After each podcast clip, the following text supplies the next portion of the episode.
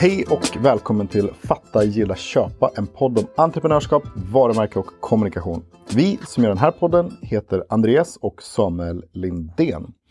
Och idag ska vi prata om att ha en företagspodd. Det här är ju min första podd, men Samuel, du har ju haft en herrans massa poddar innan. Varför ska man ha en podd som företag? Varför har vi en podd? Ja, det är ju en väldigt bra fråga. Varför har vi en podd? Eh, det handlar väl... I... Jag borde ha förberett ett bra svar på den frågan. Va? Men alltså, i, i... det här handlar om kommunikation. Och eh, vi är ju alla duktiga på att ta in, liksom, att konsumera innehåll på olika sätt.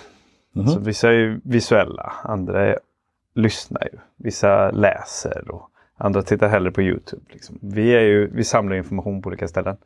I grund och botten så handlar ju företagspoddar om att nå ut till sina kunder och kommunicera med kunderna på ett sätt som kunderna själva trivs med och föredrar.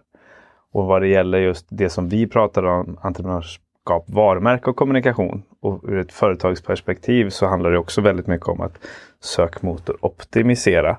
Så att du ska dyka upp på rätt plats i rätt tid när din potentiella kund vill ha hjälp med någonting. Och då kan du liksom beroende på hur man sätter titeln, som titeln på det här avsnittet, har ju det syftet att om någon är ute och gör research, men hur ska jag göra, vad ska jag tänka på? Så kanske man snubblar in här liksom, och får lite tips och inspiration. Och Just. det då skulle ju gynna vår affär helt enkelt. Att vi bygger trovärdighet, vi bjussar på den. Ja, just det, du menar att skillnaden, jag då som lyssnar på underhållningspoddar, jag lyssnar ju på dem som radioprogram, följer dem varje vecka och, och sådär liksom.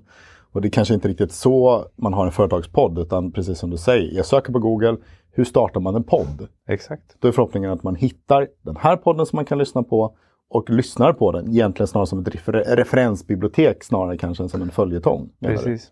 Och de som gör det, det är ju entreprenörer som oss som driver sina egna företag och som gör mycket själv och som liksom vill få den här inspirationen, kommer hit, landar i detta och tycker att ja, men det här var ett värdefullt innehåll.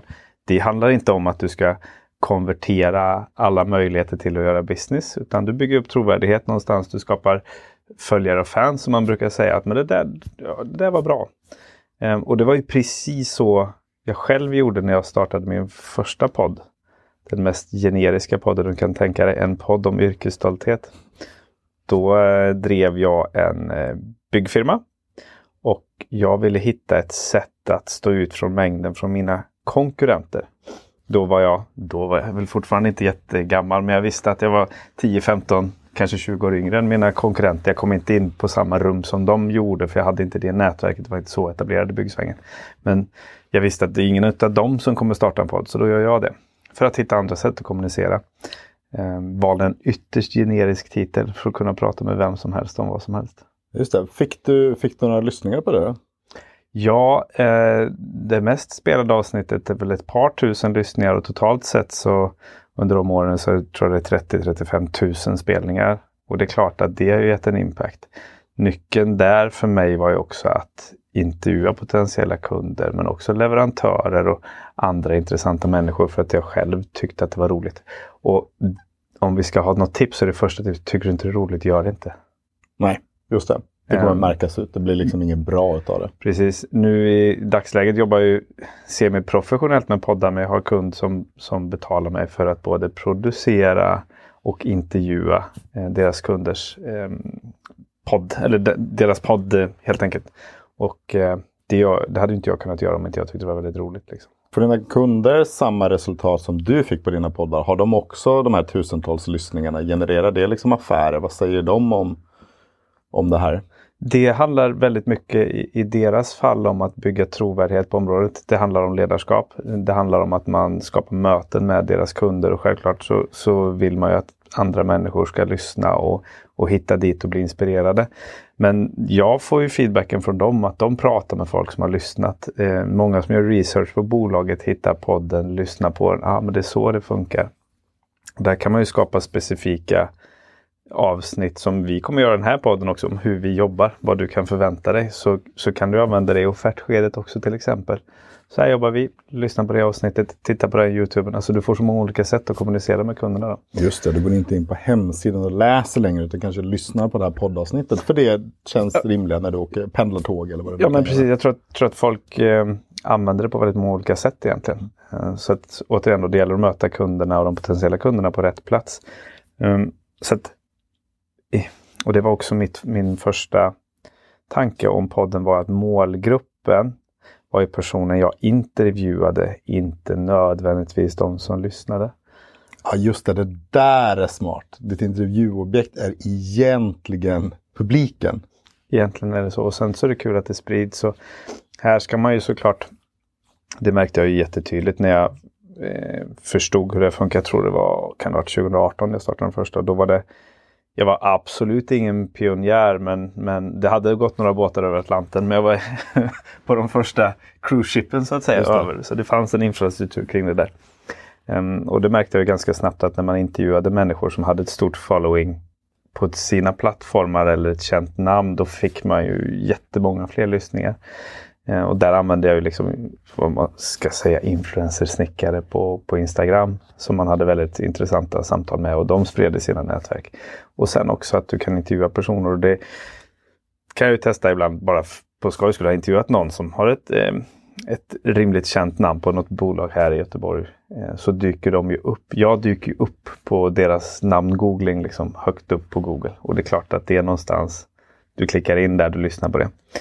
Ehm, så, så liksom återigen då för att svara på frågan varför man ska ha en podd, det är att det innehållet du skapar får väldigt, väldigt lång livslängd. Om du skriver någonting, du som producerar mycket för LinkedIn, livslängden är ju inte många veckor. Nej, det är, det är någon vecka, sen är det dött. Ibland ska man hitta någon gammal, men det är några dagar, sen är det egentligen borta. Precis, och i min första podd var det två och ett halvt år sedan som jag släppte något nytt avsnitt och jag har ju fortfarande så pass många spelningar att jag inte känner att med gott samvete att jag kan stänga ner den. För du kanske är halvvägs in i serien ja, och vill lyssna färdigt. Liksom.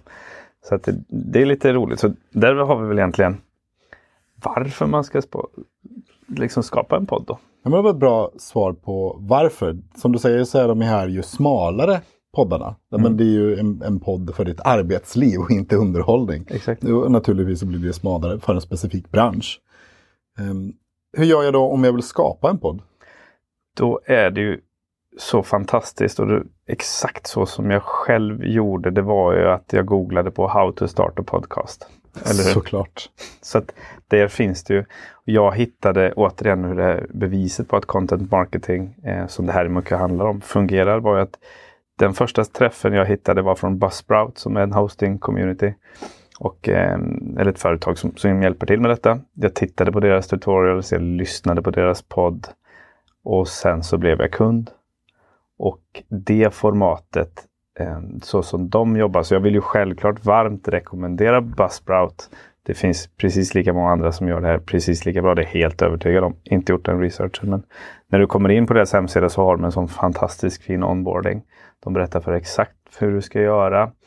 Vad du behöver i din plan och då kostar det kanske det kan, jag tror att kostnaden är mellan 100 och 200 kronor i månaden för ett bibliotek som som är tillräckligt stort. Men jag tror att det är begränsat till att du får ladda upp tre timmar i månaden eller vad det kan vara. Ehm, och eh, de hjälper dig att koppla upp mot Spotify och mot podcaster och alla de här stora plattformarna. Så det funkar jätte, jättebra. Ehm, det man behöver, så, så det rekommenderar jag. Kolla upp de här ehm, plattformarna och se hur det funkar. Där får du alla instruktioner du behöver. Den andra delen är att du behöver utrustning. Och den ska man inte underskatta. Och det första jag gjorde var att köpa det mest mobila du kunde tänka dig. Um, det var ju två Lavalier sådana här myggmikrofoner. som du kopplade till, till iPhone och så spelade du in där. Uh, supersmidigt och jag hade också lite större, ska man säga, studiomickar. Problemet när du stoppar den i, framför ansiktet på någon är att man blir rätt nervös. Du har ju redan glömt bort att du har micken på dig. Ja, just det. Ja, vi sitter ju med myggor nu i det här Exakt. samtalet. Och så sitter man och pratar och då, då glömmer man bort att man är inspelad. Då blir det liksom ett naturligt samtal. Det är viktigt. Man måste förbereda personer man intervjuar med att skicka över lite frågor så att de känner sig trygga med vad de, vad de ska få svara på. Och sen efterbehandlingen är egentligen inte konstigare än så att jag laddar upp det från mobilen in i molnet och så från molnet så laddar ner på min laptop. För det blir ganska stora filer. Och där eh, jobbar jag i ett program som heter Audacity som funkar gratis, funkar för PC och så finns det ett motsvarande som heter Garageband för de som kör Mac. In med filen, klipper i början och slutet, lägger på någon musik som man hittar en bra slinga. Ta en licensierad eller se till att du har licensen för det eller använder den gratis. Annars kan du bli nerplockad. För sånt där har man ju koll på. Um, brusreducering. Superviktigt. Det är väl egentligen det enda jag gör. Och sen så lägger jag en begränsare på så att du inte, om det blir en högljudsspik för att man råkar skratta eller någonting sånt där. Så att du inte spräcker trumhinnan på de som lyssnar. Eh, jag kommer ihåg första inspelningen jag hade gjort. Och så var det ju jättebrusigt. För det är jättebrusigt. Och jag blev skräckslagen och tänkte vad har jag gjort för fel? Liksom, innan jag googlade vidare på att det är brusreducering. Och så klipper jag ihop så brukar jag oftast låta kunden eller vad man ska säga den jag intervjuat få provlyssna innan jag publicerar. Ja, just det, det kan vara viktigt det, när man ska få höra sin egen röst kanske första gången. och sådär. Man blir självmedveten. Och... och det är väl också det som du, om du startar en podd, kommer tycka är superjobbigt i början. Men du låter så. Det är så alla andra hör dig. Man vänjer sig. Det tog, eh, det tog ett avsnitt så nu tänker inte jag på... Nu, nu hör jag min röst så som alla andra hör den och det är fullt naturligt. Liksom. Um, så det kan väl vara lite saker att, att tänka på när man gör det. Eh, ett, tips till då det är ju att ha en, bestäm dig för vilken frekvens. Om det är en gång i månaden, en gång i veckan. och Håll den. Publicera på samma dag. Använd dina andra kanaler på ditt företag som du använder. Liksom skriv en bloggartikel om detta. Lägg upp det på företagets LinkedIn. Bam, bam, bam, bam. Så får man spridningen. Liksom. Och sen självklart gör du en snygg avsnittsbild och så delar du den till den som du intervjuat och be att de delar i sina nätverk också. Och då får man en väldigt, väldigt en bra reach på det man gör helt enkelt. Bra content med, med lång livslängd. Första gångerna kommer det inte bli så bra. Det är inte säkert att folk tycker att det och du och jag pratar om är bra nu heller, men då är de antagligen inte i målgruppen heller. Så att, bara, tänk inte för mycket på det, utan tyck att det är roligt och, och gör det. Bra, tack för det. Tack. Då tycker jag att vi kan stanna där. Tack för att du har lyssnat på den här podden. Tack Samuel för att du delar med dig av din kunskap. Så hörs vi nästa vecka. Tack, hej. Hej.